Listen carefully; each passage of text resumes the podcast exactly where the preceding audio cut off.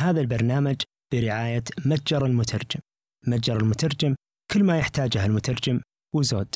من خلال متجر المترجم تستطيع الحصول على دورات تدريبية أو ورش عمل افتراضية تساعدك على تحسين مهاراتك في الترجمة أو حتى بدء العمل في مجال الترجمة.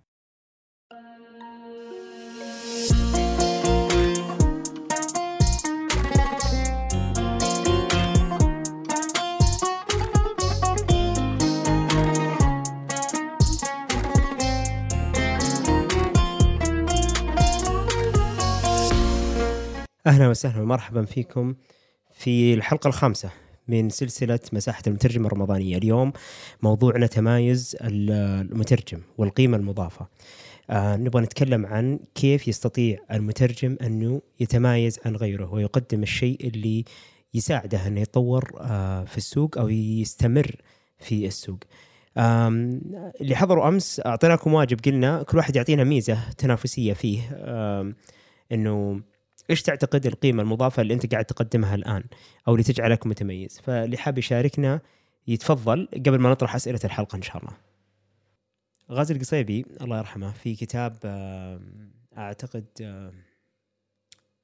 والله نسيت اسم الكتاب بس أعتقد فن الإدارة أو السيره في الإدارة نسيت والله أسمه. المهم إنه كان يذكر عن كان يفرق بين التميز والتمايز وحسب فهمي بأن التميز هو شيء نادر ويصعب على الجميع إنه يحققه. يعني هو مثل ما تقول مثلا أينشتاين ما في إلا واحد هذا متميز. آه وهكذا. بينما التمايز هذا شيء الجميع يستطيع إنه آه يوصل له. والتمايز هو إنك أنت تتميز عن أقرانك آه بحاجة أو حاجتين كقيم مضافة. وهذه تعطيك التمايز اللي كافي جدا لأنك أنت تبرز وتنجح. فهذا إذا حبينا نفرق الآن بين التميز والتمايز. إذا عرفنا الحين التمايز طيب كيف يتمايز المترجم؟ وكيف يقدم قيمة مضافة؟ فهذه السلسلة زي ما أنتم عارفين هي من تنظيم إذاعة المترجم ولكنها من إعداد وتحضير فريق اسال مترجم. اللي تمثلوا اليوم معنا هنا بشرى فبشرى تفضلي بطرح أسئلة الحلقة. آه طيب خلينا نتكلم عن آه منظورهم عن القيمة المضافة للمترجم. ممكن بعضهم مو مستوعبين إيش معنى قيمة مضافة يكون تكون لمترجم بالعادة في إدارة الأعمال أو شيء. فبرأيكم ما هي القيمة المضافة للمترجم؟ وكيف أصلا يحققها؟ يعني كيف كيف يكسب قيمته المضافة؟ الصراحة يعني من وجهة نظري أنه القيمة المضافة تعتمد على الشخص نفسه من حيث العمل على نفسه بالانضباط المواعيد بالجودة والتطور الدائم. يعني مو يقف عند حد معين إنه وصلت للمستوى يعني القمة لازم يدرس ويتعب على نفسه. ما دام في هذا المجال. يعني أنت ترى أن القيمة المضافة ضبط مثلا المهارات الاحترافية هذه اولا. بالضبط. طيب بس هل هل نتفق مثلا إنها قيمة مضافة في حال إنه كان المفروض يكون هو الستاندرد؟ بمعنى اذا إذا كان نفترض انه سوق العمل الحر أصلا يصعب على أي شخص من غير إنه يكون يملك هذه المهارات الاحترافية الحضور على الوقت وإلى آخره.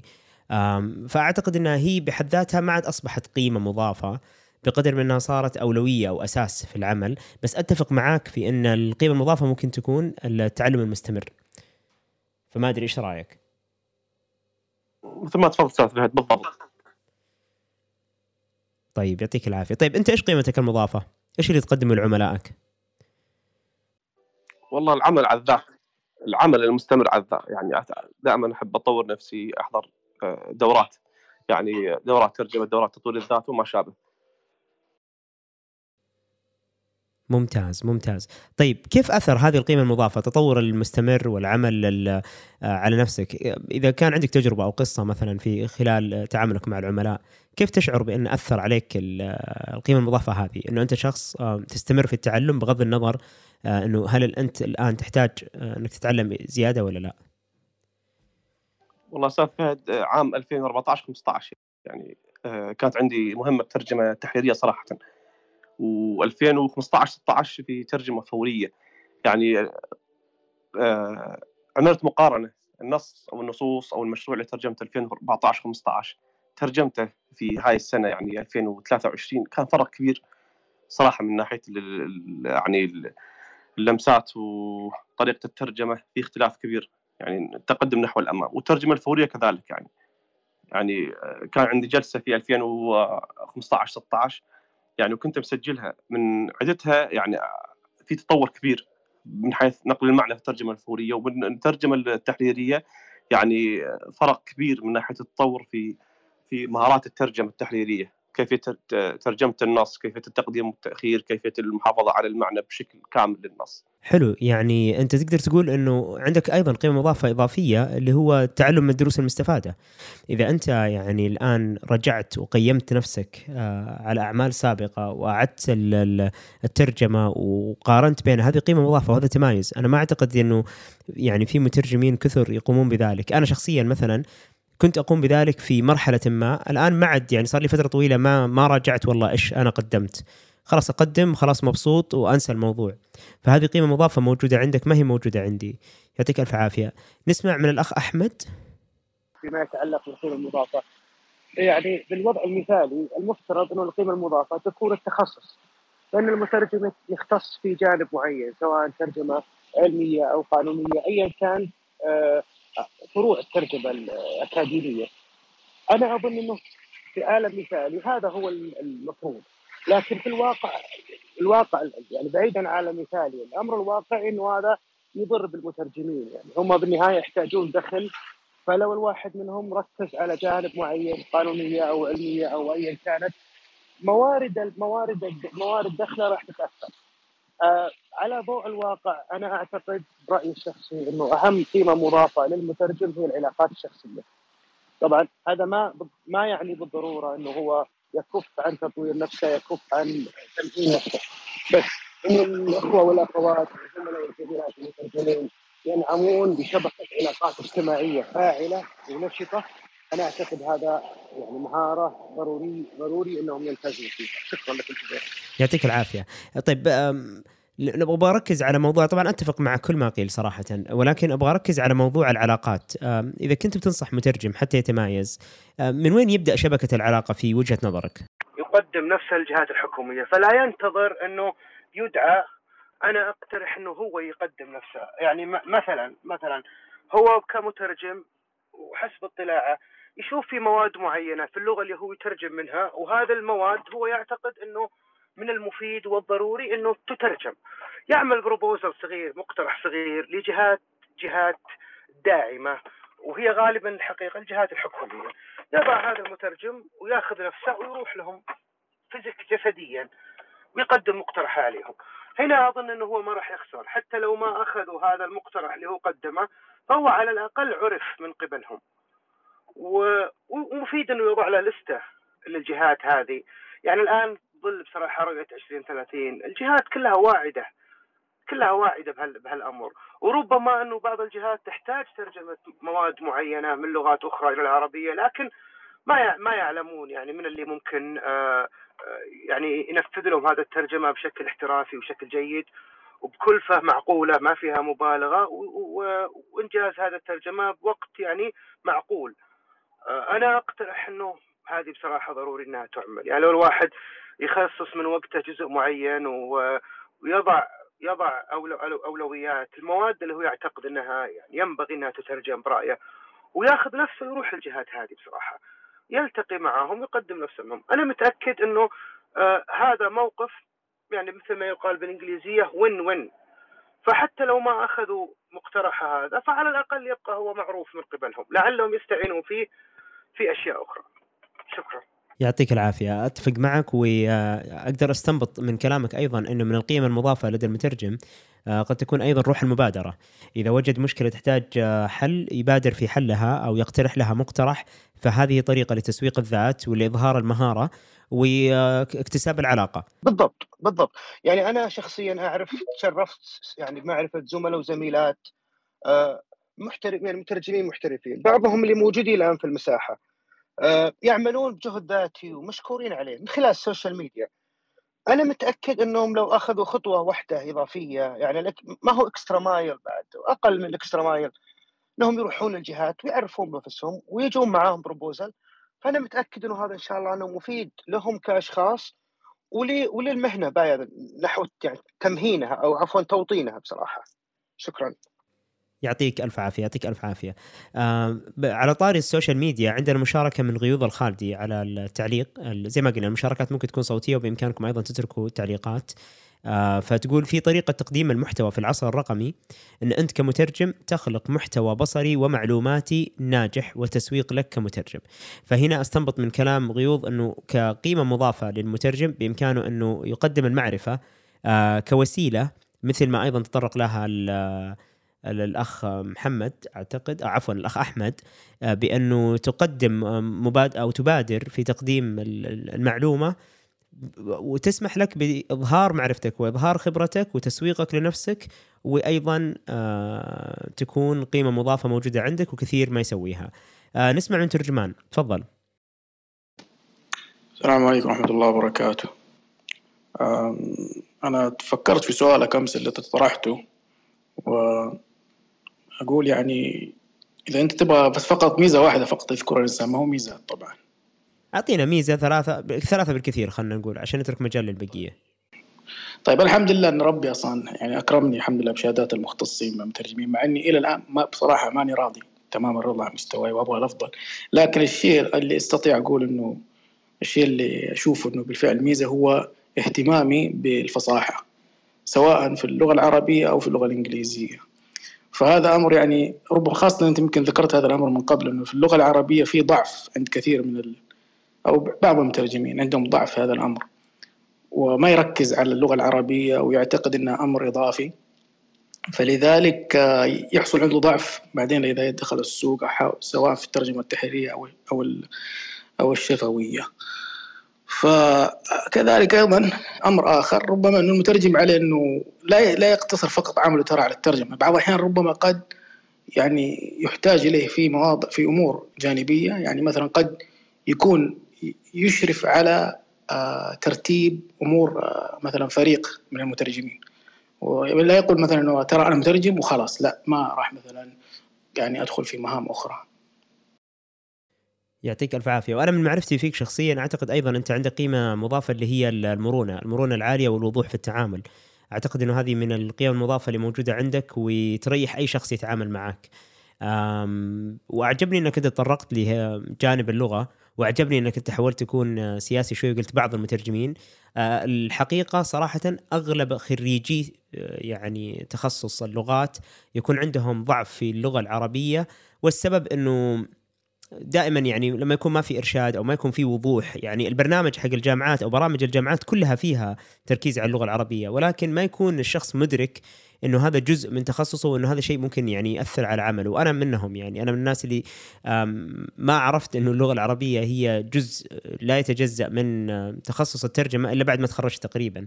آه، فأنا من الناس اللي يعني نفس الشيء. لما تخرجت كان عندي ضعف كبير اضطريت إني أنا أشتغل على نفسي في في آه، اللغة العربية. كنت دائما معتمد على السليقه آه، ولاني كنت أشارك في الخ- يعني إيش يسمونها مسابقات الخطابة وإلى آخره. فكان عندي ال- ال- النطق تمام الأمور هذه تمام ولكن دائما عندي مشكلة في آه، في في النحو والصرف. رغم إني متميز يعني أيام الثانوي والمتوسط بس إنه خلال فترة الجامعة ما اشتغلت كثير على لغتي العربية. فأعتقد فعلا إنه هذا جزء مهم جدا ويعطي المترجم قيمة مضافة كبيرة في ظل آه، فقدانها عند الأغلب. بمعنى إنها هي في الأصل المفروض ما تكون قيمة مضافة. المفروض إنها تكون أصل عند الجميع. ولكن بما أنه آه، يوجد ضعف آه، بشكل عام فأصبحت الآن تصنف وكأنها قيمة مضافة. شكرا لك. نسمع مشاركة أخرى. هو أنا عندي سؤال آه، مرة مهم. آه، على أساس ما هي قيمة ال- المترجم المضافة؟ هل الكل يعرف إيش هي القيمة المضافة فعلا؟ لأن بعضهم آه، في يعني آه، فاهمين غلط بأنه القيمة المضافة في طحن الأسعار. والله أنا قيمتي مضافة أن أسعاري أنسب.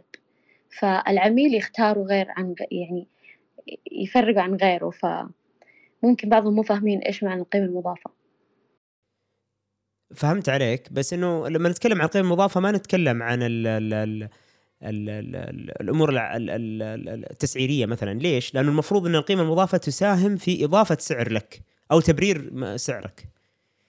فانك كونك تخفض الأسعار هذه ما هي قيمة مضافة ابدا لأنه ما هي حاجة أنت يعني بتقدمها كمهارة إضافية فلما نتكلم عن القيمة المضافة إحنا نتكلم أنت تخيل معي إنك أنت قدمت عرض لعميل وقال لك ليش أدفع لك هذا المبلغ؟ جاوبني على هذا السؤال بينما في مترجم آخر عرض علي أقل منك. بهذه الطريقة نقدر نفكر إنه وش القيمة المضافة اللي أنت تقدمها اليوم لهذا ال- ال- العميل وتعتبر قيمة مضافة. لأنه القيمة المضافة هي من يبرر التعامل معك أو أو أو تبرير السعر. ف فهذه نقطة مهمة. شكرا إنك يعني سلطت الضوء عليها. أم طيب. في أحد حاب يبدي رأيه ولا ننتقل لسؤال ثاني؟ إحنا نعرف إنه تميز المترجم أحيانا تفوقه ممكن هو اللي يخليه يكون سبب في اختيار العميل له يعني دون عن غيره. فهل أحيانا يكون يتسبب بضغط العمل عليه؟ كثرة الطلب يعني؟ امم فهمت عليك. في أحد يزعل من كثر الطلب؟ طيب خلينا نسمع من الجميع. خلينا نسمع من الجميع. هل تعتقدوا بأن آه إذا الشخص تميز حيتسبب عليه بضغط عمل؟ إذا زاد عليه العمل يكون ذكي ويحول على زملائه المترجمين. طيب إيش يكسب؟ حلوة النقطة هذه. إيش يكسب لما يحول على مترجمين يكسب يكسب علاقات يكسب علاقات يحسن صورته في السوق يكون مع يعني طيب مع أصدقائه وزملائه. يعني يكسبها يطلع قيمة مضافة من القيمة المضافة. أنا متميز تجيني أعمال كثيرة فاقت عن قدرتي أستغلها في تكوين الشبكة. فأنا أعين وأعاون زملائي وزميلاتي بحيث إنهم يكسبوا أعمال أخرى. وأكون الشبكة هذه بتم منح الفرص وترجع لي بعد بإذن الله تعالى لاحقا على شكل فرص. هذا رأيك صح؟ اي نعم الله يحفظك. هذا رأيي. ممتاز ممتاز. أركان؟ والله أستاذ فهد أكيد التميز يجيب, لك عملاء أكثر وما يسبب لك ضغط في العمل. بس مثل ما تفضل اخ ترجمان أنا كنت يعني ناوي أتحدث هذا الكلام إنه إذا أحد جاء يعني يكون في أكثر من مشروع يوزع على زملائه يكسب علاقات ويكسب سمعة. تعتبر قيمة مضافة. صحيح. أنا أنا شخصيا ما أشوف إنه يعني كثر العمل آه، يعني يتسبب بضغط آه، امم يبغى له تفكير بس إنه أعتقد إنه أفضل تصرف مثل العفو يعني قاطعك. بس يعني أكيد إذا كان في ديدلاينز فأنت مجبور راح يكون ضغط عمل مثلا أربع أو خمس مشاريع في مثلا خلال أسبوع. يعني تجيك بنفس الوقت أكيد راح يسبب ضغط عمل. هذا رأيي بتواضع ما أعرف. أنا قاعد أفكر في الموضوع كيف ممكن يتحول من نعمة إلى نقمة؟ يعني إنه الواحد يكون متمايز لدرجة إنه ما عاد يعني إنه يصير ضغط عمل. بس أعتقد إنه معالجتها بسيطة. يعني العملاء الجدد ترفع السعر شوي فأنت تقلل من فرصة كسب المشروع وتبرر لنفسك العمل الإضافي هذا الضغط اللي أنت تمر فيه. ودائما الجدول الحسنة آم، يعني أشوف أنها تخدم المترجم. يعني مثلا المترجم المتمايز جدا يعني لما يكون متمايز وخلاص أصبح عليه توجه من العملاء بكل بساطة يقدر يعني جدول العملاء يقول له شوف أنا ماسك مشروع الآن وببدا في مشروعك تقريبا في الفترة الفلانية وأحاول أسلمك الموعد الفلاني. وأوعدك متى ما اخلص قبل حسلمك. بس ترى أنا already committed يعني المشروع ثاني عندي ارتباط مع مشروع آخر. يعني لسه لين الحين ماني قادر أشوف إنه في آه، عيب من آه، كثرة الأعمال. خصوصا إذا اتفقنا خصوصا في حلقة أمس إنه بعض ال- ال- القطاعات الترجمة وبعض الأسواق آه، قد يعني يغلب عليها ال- الموسمية.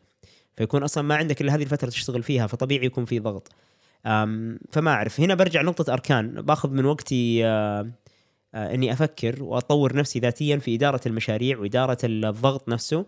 وتكوين الشبكة ويمكن آه، ال- الإسناد وإعاز المهام لزملاء وزميلات. يعني شخصيا لو كنت بجاوب على هذا السؤال.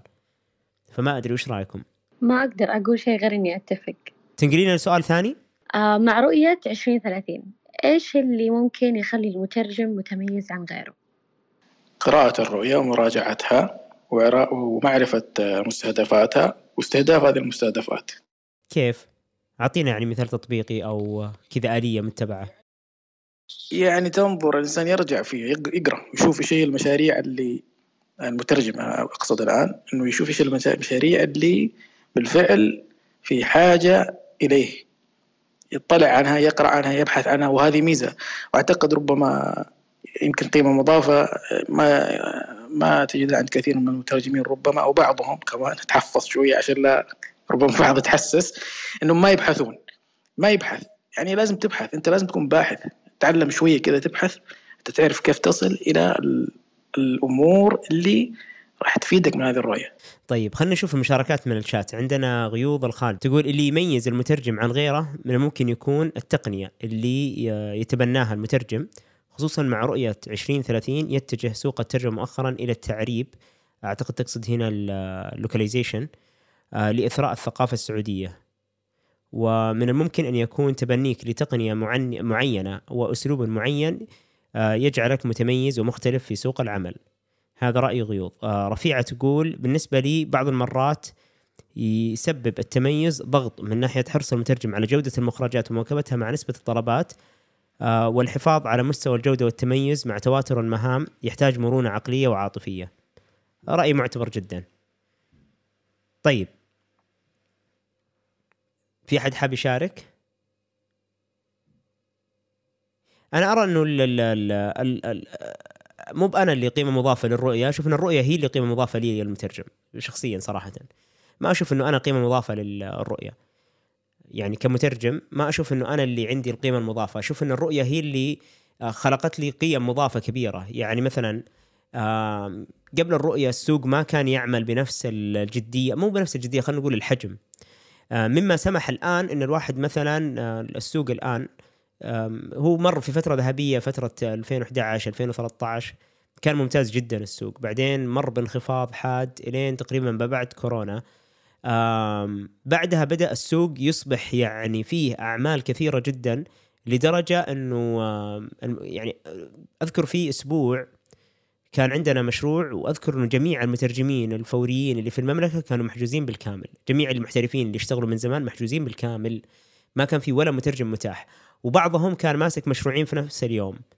يعني يمسك في الصباح في مكان وفي المساء في مكان آخر. فأعتقد إنه هذه قيمة مضافة من الرؤية نفسها أضافتها المترجمين إنها ساهمت في انه يكون في حجم طلب عالي. مما يتيح للمترجم واحد الإيمان بالسوق وإنه يطور نفسه ويحرص على السوق هذا إنه يدخل وي آه، ويستفيد منه ويتطور ويبني الشبكة وكل الأمور اللي يمكن ذكرناها. بالإضافة أنها تسمح للمترجم إنه يتخصص ويمارس وي ويستفيد ماليا طبيعه الحال. آه، فأنا صراحة ما أشوف إن المترجم عنده قيمة مضافة للرؤية بقدر ما إن الرؤية هي اللي في الأصل صراحة قيمة مضافة للمترجم. يعني أكون صريح معاكم الرؤية لولا يعني إحنا الآن اللهم لك الحمد يعني إحنا من عام 1412 تدرس اللغات والترجمة في المملكة العربية السعودية. نتكلم عن تقريبا 30 سنة 32 سنة تدرس. فلما جت الرؤية صار في عدد كبير ممكن يستفيد من ال- من المشاريع هذه وإنه يترجم فيها ويسهم ويقوم يعني عليها. بس لو تخيلنا إنه ما كانت تدرس مثلا اللغات والترجمة بكل بساطة ممكن استقطاب المترجمين من الخارج. ف فعشان كذا أنا ما أشوف إنه أنا اللي أجيب القيمة المضافة للرؤية صراحة بقدر ما إن الرؤية هي يعني اللي اللي اللي فعلا يعني سو سوت قيمة مضافة كبيرة للسوق صراحة. فهذا رأيي يا بشرى إذا حابة تعقبي على رأيي أو إذا تبغي تطرحي السؤال اللي بعده في ظل إنه ما في طلب مايك. أنا الصراحة أتفق وكمان عندي آه، إجابة اللي هي لما يكون المترجم سباق آه، في تقنيات جديدة قاعد تجي ومع الرؤية الحين صارت تكثر التقنيات والكثير يتوجه لها. فيصير المترجم اللي ما يعرف يتعامل مع التقنية هو المتأخر هو اللي يفقد أصلا تميزه وحتى ما حد يمكن بيختاره بعدين. فحتى كمان مع قرب الرؤية كل شيء يصير سريع. التقنيات قاعد تزيد و- وصار اللي عنده أكثر استخدام للتقنيات المتنوعة يعني مو بس لجميع الكات تولز يعني بأنواعها. فكل ما كان المترجم يملك أكبر معرفة وقدرة على البحث وقدرة على استخدام التقنيات المتنوعة كانت له الميزة. أنا بالنسبة لي أشوف هذا الشيء إن المترجم يكون سباق بالتعلم والبحث. أتفق معك وأعتقد خصوصا الآن مع ظهور تقنيات إضافية جديدة يعني عالم جديد اللي هو الذكاء الاصطناعي وال ChatGPT وطريقه عمله. أعتقد إنه هذه مثلا الآن قد تكون فرصة سانحة للمترجم إنه يدخل آه، لعالم أيضا جديد. يعني مثلا الكات تولز آه، رغم أهميتها ورغم إنه عملي على التوعية بها من يمكن ثلاث سنوات إلا أنها ترى إلى حد ما بدأت تصبح آه، خلاص قديمة وستاندرد. يعني اللي ما يتقنها أصلا خارج السوق. أعتقد الآن بتكون القيمة المضافة الإضافية لما لما يتجه الشخص لاستخدام أدوات الذكاء الاصطناعي في تحسين أعماله. أنا شخصيا لسه ما بدأت أتعلم في هذا العالم ولا لسه ما دخلته ولكن آه، أعتقد إنه آم، مهم جدا. ما أعرف قد إيش أهميته قد إيش ممكن يسهم اليوم ما أعرف إيش هي التطبيقات اللي جاهزة لي اليوم أنا كمترجم أستفيد منها ولكن أعرف إنه آه، إنها فعلا حتكون قيمة مضافة لمن يتقنها آه، على ال- آه، الشخص اللي ما يتقنها فهذه مجال يعني لكل الموجودين اللي حاب يتميز على الآخر أعتقد إنه الذكاء الاصطناعي ChatGPT والمنتجات الأخرى كونه يطلع عليها ويلعب فيها شوية الحين حيصبح هو واحد من الأوائل اللي يعني عنده تطبيقات جاهزة لاستخدامها في الترجمة بينما الآخرين لسه يستكشفون أو تأخروا في التعليم. يا. طيب في رأي ثاني؟ في عندي رأي من الشات أو في تعليق من الشات يقول لك ما يجعل المترجم متميز هو شيئين. واحد أن يكون مترجم مسؤولا. وأن يشعر بأهمية دوره وأهمية تنفيذه على أكمل وجه والتواصل مع العميل بشكل شبه فوري والاستجابة للمتطلبات ويفضل أن يكون المترجم متعدد المواهب. آه، أي مترجم ويكون لديه ملكة تحرير آه، تحرير النصوص والتسويق. يعني تقريبا هنا جمعنا كثير من القيم المضافة. آم، أعتقد آه، يعني أساليب التواصل وال آه، وأن يكون مسؤولا آه، اللي هو احترافي مترجم احترافي أو شخص مهني فعلا يعني هذه قيم مضافة. ولو إنه قلنا إنه كان ودنا نعتبرها أصلا قيمة أساسية وليست مضافة. تفضل يا أيمن. بالنسبة بالنسبة للموضوع يعني أنا ب- ب- ببدأ من حيث انتهيت أستاذ فهد. وموضوع ال- اللي هي التقنية الجديدة الذكاء الاصطناعي ChatGPT. آه حقيقة أنا خلال الفترة الماضية تقريبا من من لما ظهر في بداية آه هو ظهر بداية آه، نهاية ديسمبر فإحنا في جامعة قابوس بدأنا يعني نهتم بهذا الموضوع ونشوف وش أثره على الطلاب وكذا. فأنا حقيقة يعني بدأت أستخدم بشكل كبير جدا من ذاك اليوم يعني لأغراضي ال- ال- لأغراض استكشافية. آه، وأشوف أن هذا البرنامج أو هذه التقنية الجديدة تتطور بشكل غير طبيعي. يعني بين النسخة الأولى ال- اللي ظهرت آه، مبدئيا في اللي هو ChatGPT ثلاثة آه، إلى اليوم تشات جي بي تي أو جي بي تي أربعة فور.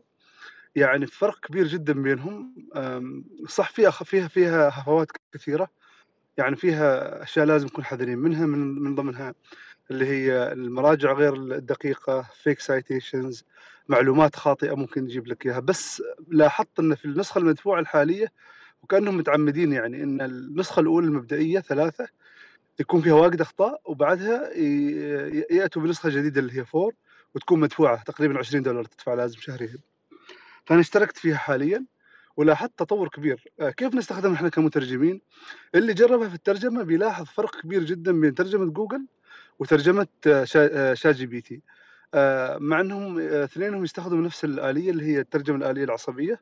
neural machine translation لكن قاعدة البيانات اللي مبنية عليها ال ChatGPT أضخم آه، وأكثر دقة من ال Google Translation. فلاحظت والأجمل فيها إن آه، عكس جوجل جوجل تعطيه الترجمه ويترجم لك النص. ChatGPT تعطيه أوامر يعني تقول له مثلا ترجم هذا النص وفقا لسياق طبي في سلطنة عمان مثلا أو ترجم هذا النص لغرض أكاديمي بحثي سينشر في مجلة علمية محكمة. وراح يجيب لك المصطلحات المرتبطة بالمجلات العلميه المحكمة. ف ChatGPT أيضا يساعد في romanization رومنة المصادر ال- ال- العربية. لما الباحثين العرب طبعا لما يريدوا ينشروا في مجلة علمية مثلا عالمية لازم يترجموا يترجموا المصادر ب romanization بالرومنة. الرومنة تاخذ وقت طويل جدا وكنت أنا أستخدم في السابق مصادر أو إلكترونية سابقة بس ما دقيقة ابدا. جربتها قبل يومين كان جايني عمل وفي مجموعة مصادر تقريبا 20 مصدر romanization رومانا يعني اللي هو ترانزلتريشن نكتب ال- ال- المصدر بحروف إنجليزية. هذا ياخذ وقت يعني طبعا من المترجم والأدوات الحالية ما مش كثيرة. فجربتها قبل يومين وانبهرت بال- بالدقة دقة الرومنه يعني يجيب لك طبعا بدون مش مش الرومنه اللي هي اللي فيها الحروف العربية الأخرى لكن الرومنه في- تستخدم الح- الحروف الإنجليزية. ول- وليس الحروف الأخرى اللي في عليها مثلا عليها نقطة وعليها شرطة. وهذه مستخدمة في مجلات علمية كثيرة. فلاحظت أن الرومنه جدا مفيدة تفيدها في الرومنه فأعتقد مثل ما قلت أستاذ فهد أن ال ChatGPT علينا إحنا كمترجمين أننا ما يعني نقلل من قيمته ابدا. يعني امكانيات هائلة جدا. بإمكانك تعطيه نص مت... يعني تعطيه نص متكامل وتقول له مثلا لخص لي إياه تعطيه نص تقول له اكتب لي عنه مقدمة اكتب لي عنه خاتمة. آه، ممكن إنك تتوسع كلامي هذا وتكتب آه، آه، كلام أكبر. وحقيقة لغة آه، إنجليزية قوية واللغة العربية يعني آه، مستواها آه، أفضل من باقي الأدوات الإلكترونية اللي متعودين عليها. فأنا أعتقد إن المستقبل راح يكون في الـ ChatGPT راح تكون هناك وظائف متعلقة بال prompts اللي هي صياغة هذه الأوامر ل ChatGPT. راح تكون هناك دراسات أكبر في ChatGPT. لذلك الميزة الحالية اللي أدعوكم إنكم تستفيدوا منها بس ما تعتمدوا عليها طبعا اعتماد كلي. والجيد فينا إحنا كمترجمين إحنا already متعودين على هذا الوضع اللي هو الترجمة الآلية. آه، متعودين إن عندنا post-editing متعودين إن نصنا مثلا تترجم آلة والرائج اللي ظاهر في العالم الحين إنه content creation يعني نصوص تصنعها الآلة من الصفر ويجي الكاتب البشري أو المحرر البشري يحررها. فهذه ميزة إضافية رائعة جدا. آه، استكشفوها هذه الأيام فيها فوائد كثيرة لكن راح تنبهروا ببعض الأشياء اللي راح تعطيكم إياها والنتائج اللي راح تستخدموها منها. طبعا اللي كان يتكلم عنه الأستاذ أيمن اللي ممكن يفيدكم كثير في الـ ChatGPT اللي هو إحنا نسميه النقحرة. وهي نقل الصوت آه، بأحرف آه، غير أحر- أحرف اللغة الأصلية. يعني مثلا في اللغة العربية قطة آه، بالإنجليزي يصير qitta تصير اللي كذا ولها رموز خاصة ولها منهج محدد لل لل- لل- لل- للأبحاث العلمية. يعني لها خلينا نقول لها guide محدد. فالنقحره مثلا للباحثين حيكون مفيد جدا الـ ChatGPT على كلام ال- الأخ أيمن بأنه بإمكانك تتخلص من إنك تدور حرف حرف وإيش اللي يقابله. أو إنك تحصل على نتائج غير دقيقة من مصادر أخرى. آه، تفضل يا ترجمان. آه، أشكر أستاذ أيمن على الإضافة الرائعة اللي تكلم فيها عن آه، ChatGPT والذكاء الذكاء الاصطناعي. ويا ليت أستاذ فهد لو ترتبوا مع بعض على حلقة يتكلم فيها لأنه ما شاء الله باين عليه يعني مهتم جدا بالأمر. آه، وبالنسبة لل ChatGPT بالنسبة أعتقد في السعودية طبعا ما مو متاح إلى الآن. لأن أنا نفس الشيء دخلت على الموقع أنت ذكرته اللي هو Open OpenAI تقريبا. وحاولت أسجل وسجلت سويت account لكن it's not available في يقول لي it's not available in country بس في موقع آخر تقريبا اللي هو Poe مقدم الخدمة هذه. آه، مقدم الـ ChatGPT اللي هو ال- ال four وأيضا كمان الـ ChatGPT 3 فربما لو جربت يمكن يفيدك إن شاء الله. بس ما أعتقد إنه مثل النسخة المدفوعة اللي تكلم عنها الأستاذ أيمن فيها. ليت لو إنكم يعني تكلموا مع الأستاذ أيمن وتسووا معه حلقة في هذا الأمر لأنه مهم المترجم يعني يكون عنده معرفة.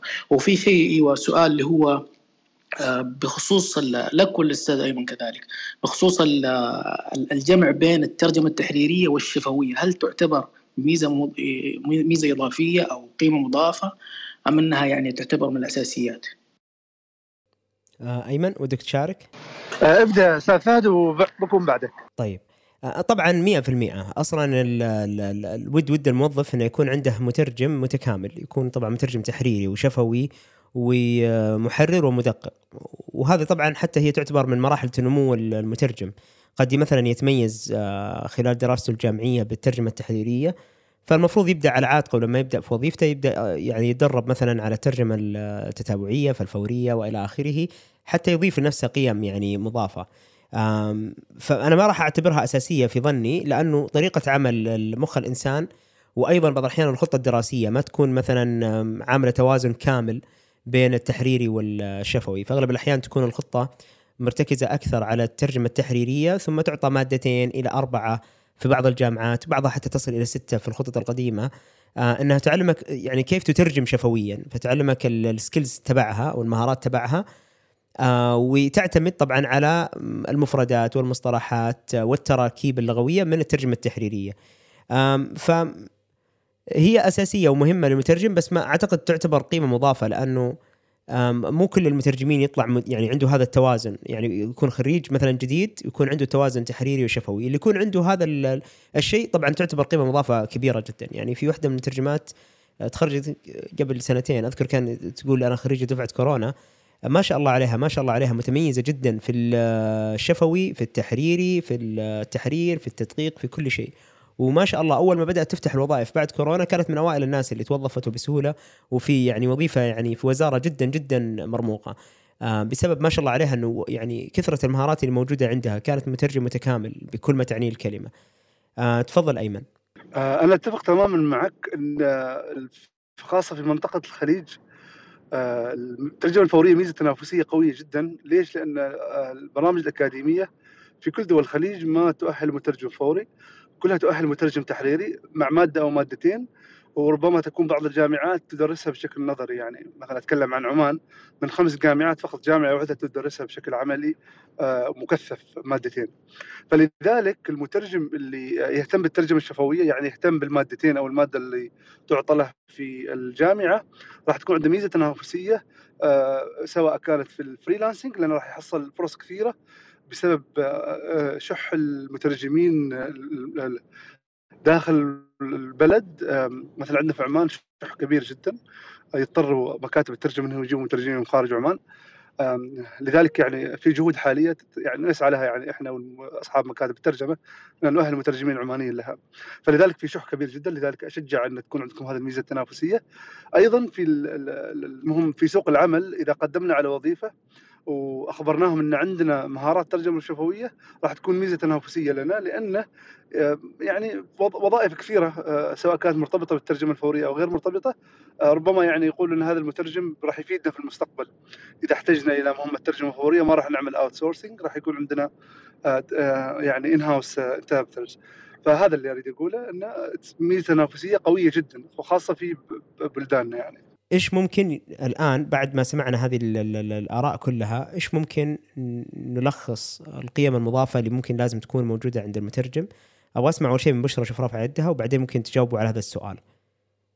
أعتقد لحظة في لحظة معلش دقيقة يا بشرى. في الأخ محمد من أول رافع يده وما انتبهت له آسف جدا يا محمد. تفضل يا محمد. السلام عليكم ورحمة الله وبركاته. رمضان آه، مبارك.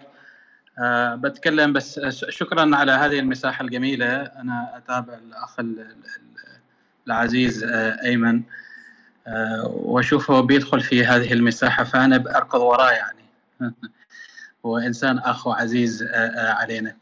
إنزين أنا أستخدم ChatGPT يوميا. كوني أنا باحث في التاريخ وبعض الأحيان أحتاج في كتابة رسائل وبرامج بودكاست أعمل عليها أيضا. آه، واستخدمت آه، في آه، في الترجمة إلى اللغة السواحلية هي نوعا ما ممتاز.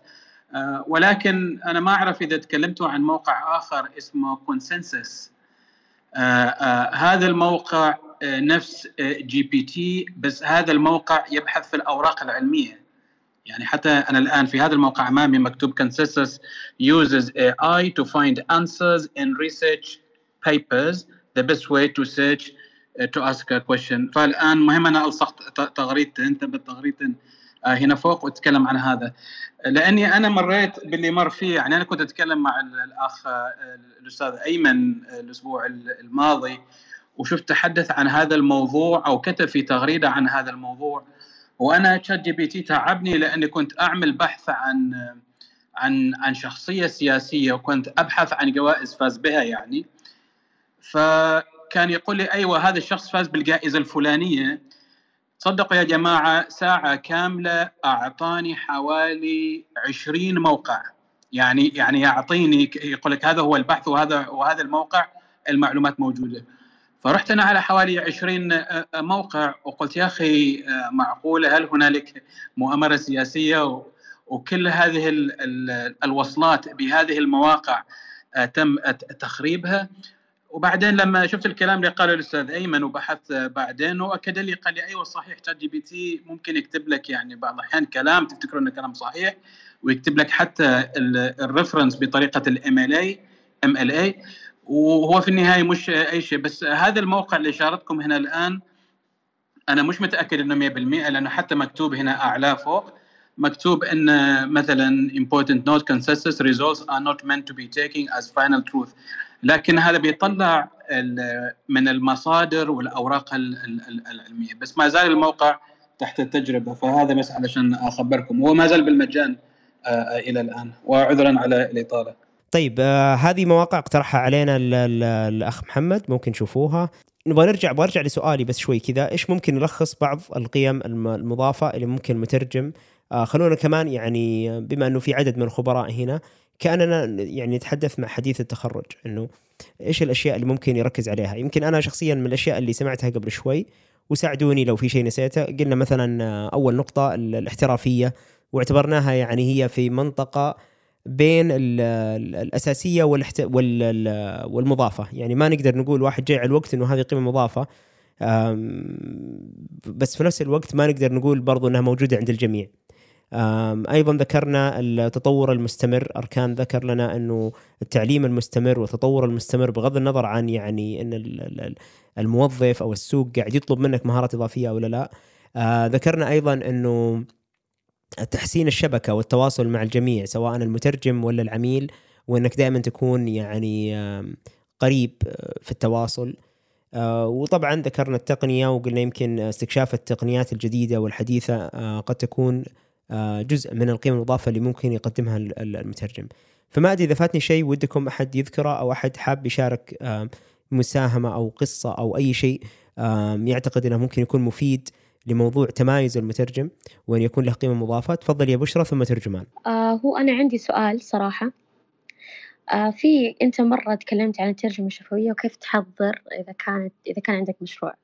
فواحدة من ال- الأمور اللي أنت ذكرتها إنه كنت قبل كل مشروع آه تروح آه تشوف آه، مقالات أو أي موضوع عن ال ال مرتبط بالمشروع اللي أنت رايح تترجم له فكنت بال CAT tools تطلع لك ال- ال glossary حقك قبل ما تروح للمشروع فهل هذه تعتبر قيمة مضافة ولا هذه المفروض كل مترجم شفوي يسويها؟ هنا ممكن أقول لا قيمة مضافة لأنه استخدام ال CAT tools أصلا للترجمة وليس لاستخراج المصطلحات ولكن أنا وظفتها هنا يعني معرفتي أو عمقي في ال CAT tools استخدمتها مثلا إني أستخرج ال- ال glossary بطريقة سهلة جدا وهي تقنية corpora أو corpus يعني. ف... فهنا ممكن تكون قيمة مضافة ولكن قيمة المضافة الحقيقية هو أنه عندي عمق كافي في ال CAT tools ساهم في إني أنا يعني أستفيد منها بهذا التطبيق هذا ال application آه وممكن مثلا حقين اللغويات الزملاء اللي آه متخصصين في اللغويات يستخدمون أدوات أدق آه أكثر اللي هي الأدوات ال- الكوربس والكوربرا. فهنا يكون عندهم حتى يعني قيمه مضافة أكبر كثير يعني علي. فشكرا إنك ذكرتيني بالشغلة هذه. بس يا هنا تعتبر قيمة مضافة في عمق يعني أو إني إيجاد تطبيق لهذه التقنية في غير ما في الأصل يعني نويت له. تفضل يا ترجمان. أعتقد ربما النقطة اللي ذكرناها أيضا كذلك الفصاحة خاصة في اللغة العربية. وأيضا عندي سؤال يعني مشابه يعني أو قريب من هذا هذا الأمر. هل هل مثلا معرفة أكثر من لغتين أيضا تكون ميزة إضافية أو قيمة مضافة للمترجم؟ آه، حلو السؤال. طبعا الفصاحة فعلا هذه من الأشياء اللي نسيت أني أذكرها ذكرت ونسيت أني أذكرها والخصها كان لي تجربة قبل أسبوع تقريبا في البرلمان الأوروبي.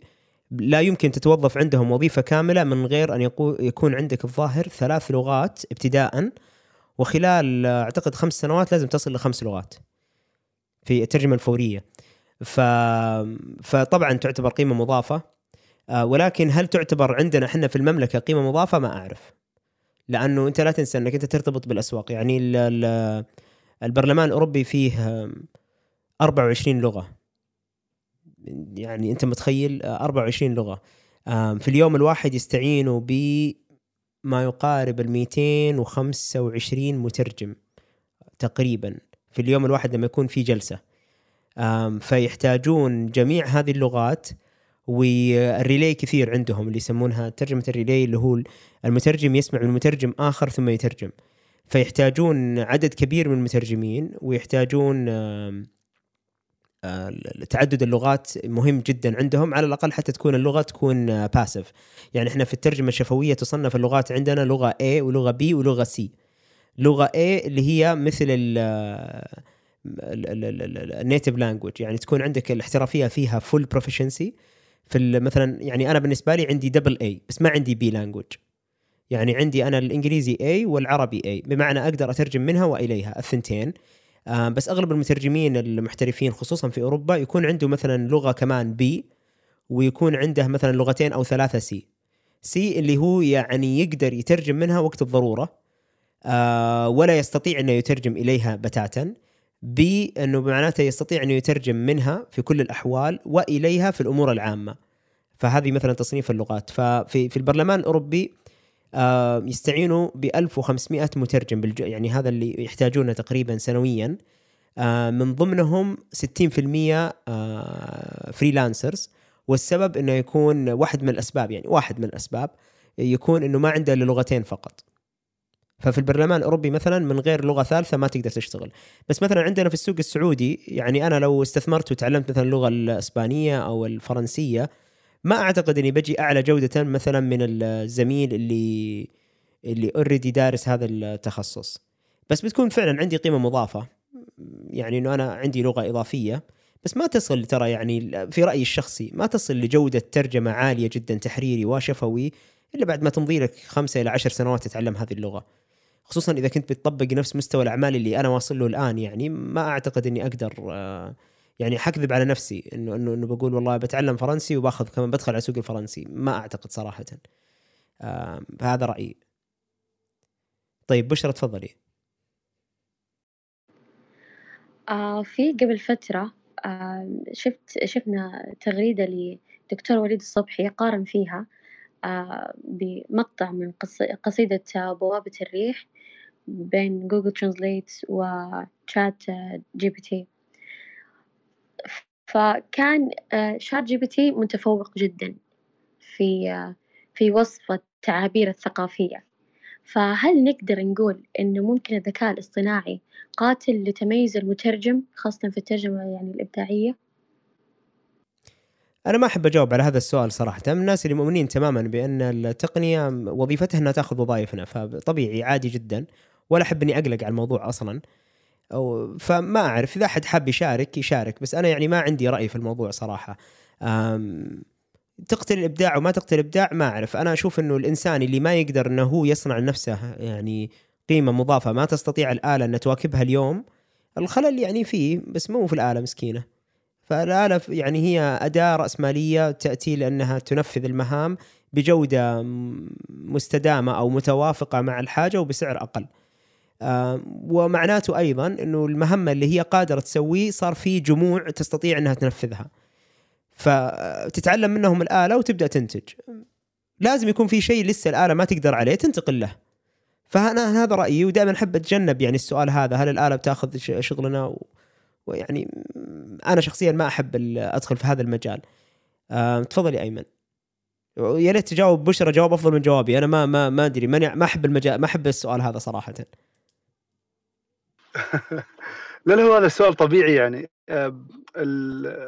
هل الآلة تقتل الإبداع؟ الإبداع أصلا يأتي من الإنسان نفسه واللي يميز الإنسان عن الآلة الإبداع الجانب الإبداعي. آه الآلة إلى اليوم صح مثلا بعد ChatGPT صارت يعني تقوم بأعمال ما كانت تقدر تقوم بها قبل كم سنة يعني لكن يظل الجانب الإنساني ضروري جدا اللي انتجته الآلة وخلونا نضرب مثال على سبيل المثال المهندسين مثلا الأوتوكاد. هل الأوتوكاد قتل قتل المهندسين مثلا؟ أو ساعدهم؟ بالعكس ساعدهم. إحنا خلونا نتعامل مع الأدوات الترجمة ومع هذه التطورات اللي صايرة الحين كأدوات مساعدة لنا وندخل فيها الجانب الإبداعي الإنساني.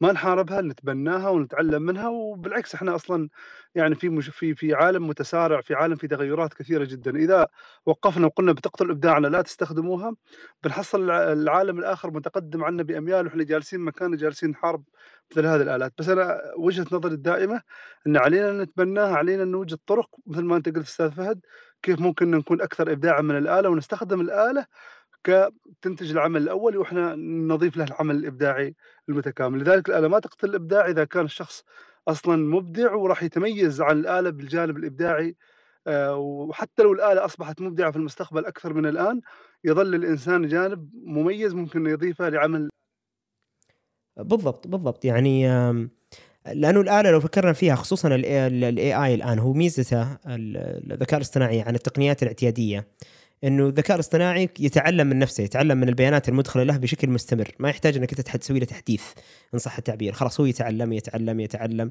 ويصحح من نفسه. هذه يمكن الميزة الإضافية اللي فيه. فمعناته بالضرورة كل المدخلات الإبداعية اللي بتجيه بيتعلمها وبيصير عنده نفس الأسلوب الإبداعي. ولكن يبقى للإنسان نفسه أنه هو يقرر هل يبغى يسبق الآلة هل يبغى يدخل في آه، مجال آه، الآلة لسه ما دخلته.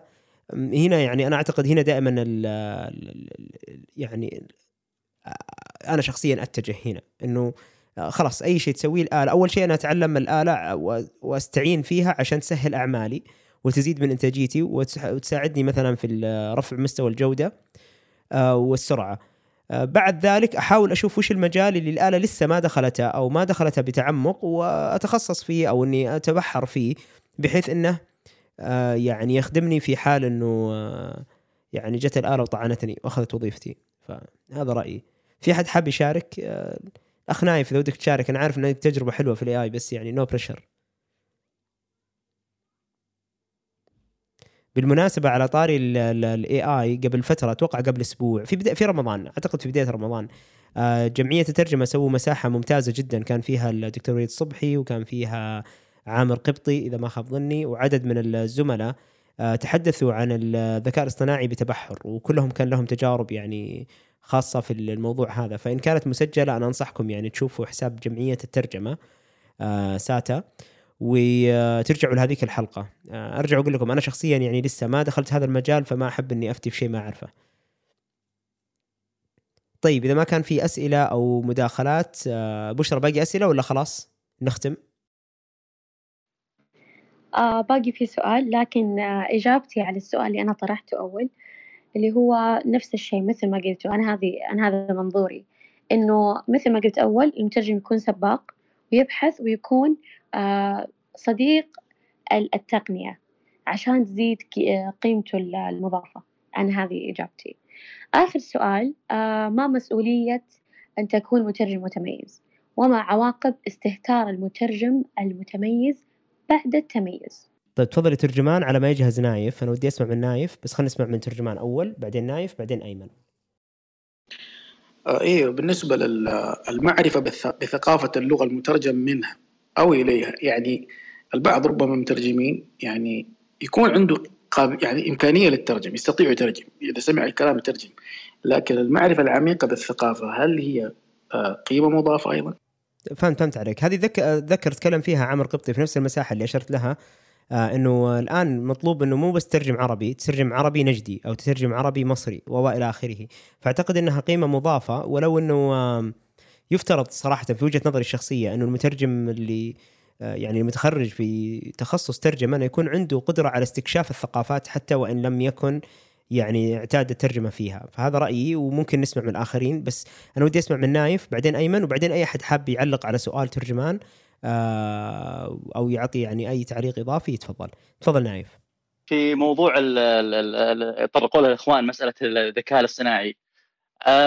أنا شخصيا أشوف إنه يعني تحول قادم. يعني إحنا نتكلم في translation studies عن turns cultural turn MT turn لكن الحين فعليا راح نتكلم مستقبلا عن ال AI turn وهذا شيء واقع وحقيقة. طبعا هو مو شيء آه، إني إني يعني أخوف الناس منه أو أقول إنه لا راح يغير مستقبلك أو يغير. لكن لأن هذا دائما يجي السؤال هذا كثير. لكن أنا اللي أقوله عادة إن كل مرحلة من مراحل عمل المترجم سواء قبل التعامل مع النص أثناء التعامل معه حتى بعد التعامل معه أو أو أو أو, أو إنتاج النص نفسه راح يدخل فيها ال AI بشكل أو بآخر يا إما عن طريق ال providers أنفسهم اللي هم ال stakeholders أو أو إن المترجم آه، يأخذ البادرة بنفسه ويسوي integration لل AI في ال workflow حقه اليومي. هذا الشيء الأول، الشيء الثاني اللي آه، تعليقا على الموضوع العام للمساحة آه، المهارة اللي أنا أعتقد شخصيا إنها محورية جدا خصوصا للي يترجم آه، مع عملاء خارج خارج الوطن العربي بالذات.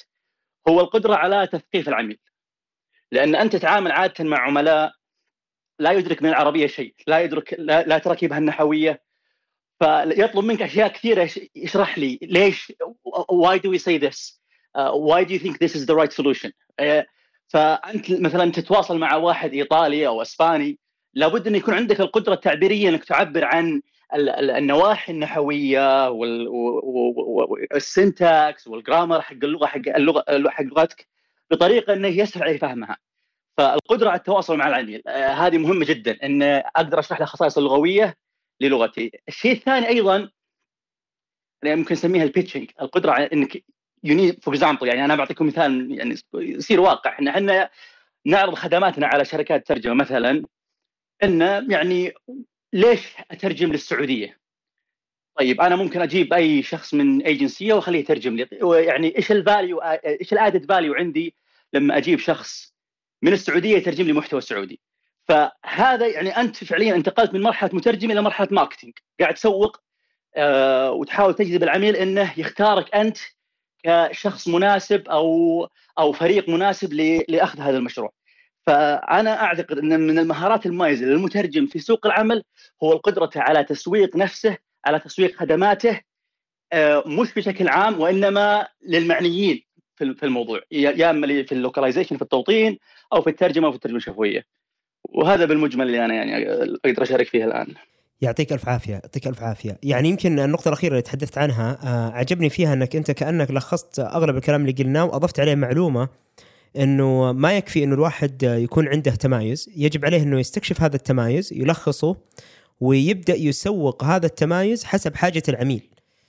فأنا يعني لما أسأل عن سبب آه، ترشيحي أو سبب اخ- اختياري أو سبب سعري آه، يجب أن يكون أنا عارف وش القيم التمايز اللي موجودة عندي. وأبدأ أيضا أستخدمها كوسيلة في في آه، تحصيل الأعمال. صحيح الكلام اللي أنا قلته نايف؟ يعني هل هذا فعلا أنت قلته ولا أنا تقولت عليك؟ آه، صحيح. هي هي فعليا يعني آه، أنت تتحول إلى sales person بس sales person for yourself basically إنك إني أنا أو فريقي يعني مهيأ بخبرة سابقة أو بمعرفة معينة أو بسرعة إنجاز. آه، وتعطيه أمثلة من مشاريع سابقة عملت عليها حققت فيها الإنجاز هذا. ففي metrics معين تقدر تعطي العميل تعطيه الطمأنينة اني okay أنا مستعد أسلم الشخص هذا. بعض الأحيان يعني في كثير من الأحيان يطلبون اختبار.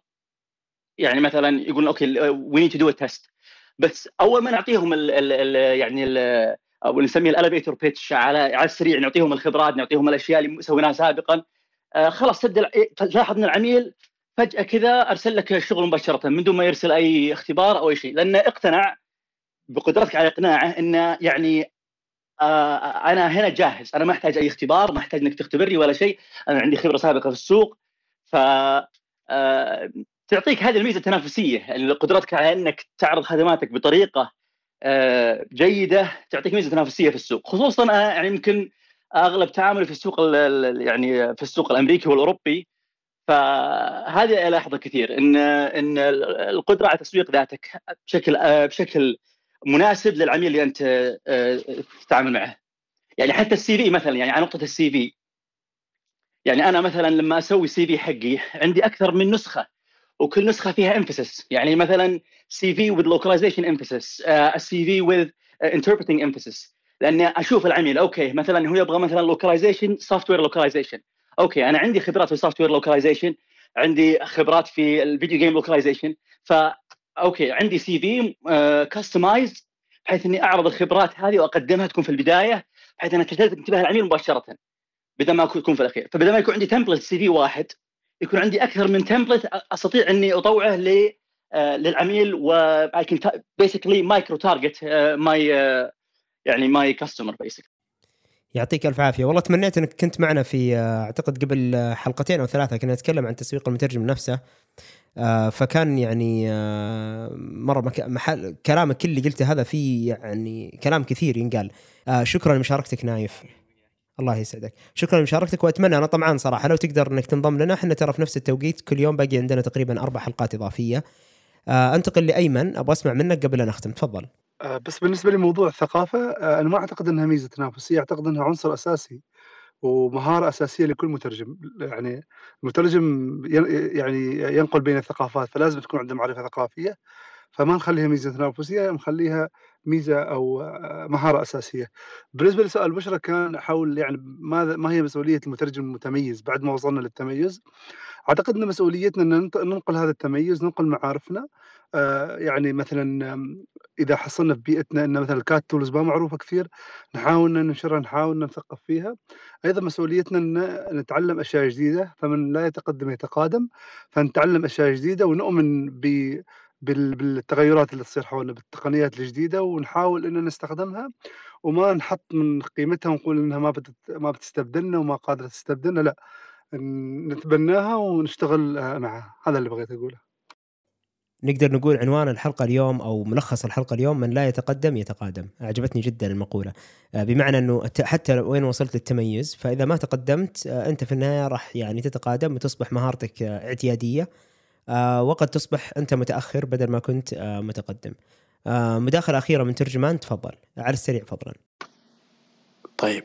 إجابة على سؤال الأخت بشرى أقول أنه بالمختصر يعني أنه على المترجم أن يستمر في التعلم المستمر يعني يجلس ويتعلم إلى أن يموت مع المحبرة إلى المقبرة. من المهد إلى اللحد نتعلم من المهد إلى اللحد وفعلا أعتقد إنه هذا صار الآن أسلوب حياة حتى يعني من يتابع مثلا الآن عمل وزارة التعليم والمركز الوطني للتعليم الإلكتروني كل التركيز على انه العالم يتحول من نمط آه، التعلم وينتهي مثلا مع الثانوي أو مع الجامعة أو مع الحصول على الشهادة إلى التعلم مدى الحياة.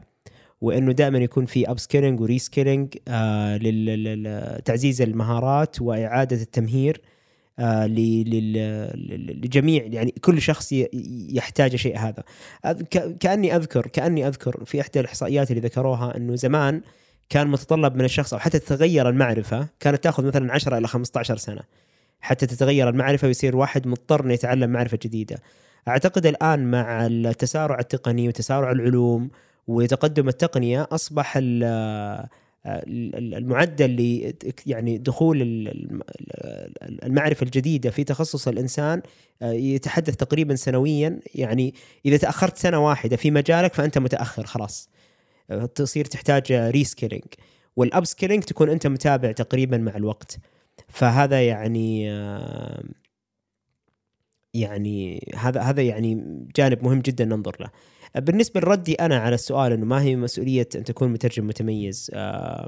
يمكن يعني المسؤولية في مسؤولية شخصية وفي مسؤولية عامة. المسؤولية الشخصية إنك أنت تحافظ على هذا التميز. ولو إني لا أؤمن أن هنالك شخص متميز بل هنالك متمايز أعتقد إنه الأهم إنه الواحد يحافظ على هذا التمايز بأنه يحافظ على تقدمه. في في في المهارات ويتابع وش الجديد في هذا المجال اللي هو متخصص فيه يكتشف مجالات آه، متداخلة. آه، يعني مثلا الآن أنا يمكن سنتين 2019 2020 دخلت في مجال البرمجة لأنه ما لها علاقة في الترجمة بشكل مباشر بس فادتني مثلا في اللوكاليزيشن في التوطين. يعني حاجة كذا هواية وشعرت إنه يعني أعطتني قيمة مضافة لاحقا من غير ما كنت يعني أرمي لها فيمكن المتميز مثل ما قال أيضا أيمن واحدة مسؤولية هذه المسؤولية الأخرى تجاه الآخر اللي هي نقل هذا التميز للآخرين زكاة العلم آه، تعليمه فيحاول ينشر هذه المعرفة وتعتبر حتى من أساليب التسويق للذات والاستفادة من آه، يعني استعراض المهارات الموجودة عندك. نستودعكم الله آه، بكرة بإذن الله تعالى في نفس الوقت الساعة 11 بتوقيت الرياض حيكون عندنا حلقة بعنوان إدارة المشاريع أو إدارة مشاريع الترجمة أحسن من الترجمة. طبعا عنوان يعني شوية فيج بس إنه نبغى نسمع أكثر وتجاربكم عن آه، آه، إدارة مشاريع الترجمة آه، أو إيش تفهموا عن إدارة مشاريع الترجمة اللي مثلا عندهم تجارب يا ريت إنهم يشاركونا في تجاربهم آه، وهل هي مسار بديل للترجمة أو مكمل أو تطوير إنه الواحد يبدأ من الترجمة وينتقل لإدارة المشاريع ما أعرف. وهل هو أصلا إيجابي ولا سلبي؟ أمور كثيرة يعني ممكن نتناقش فيها في هذا الموضوع فنتمنى إن شاء الله نشوفكم بإذن الله تعالى بكرة نفس الوقت الساعة 11 مساء بإذن الله.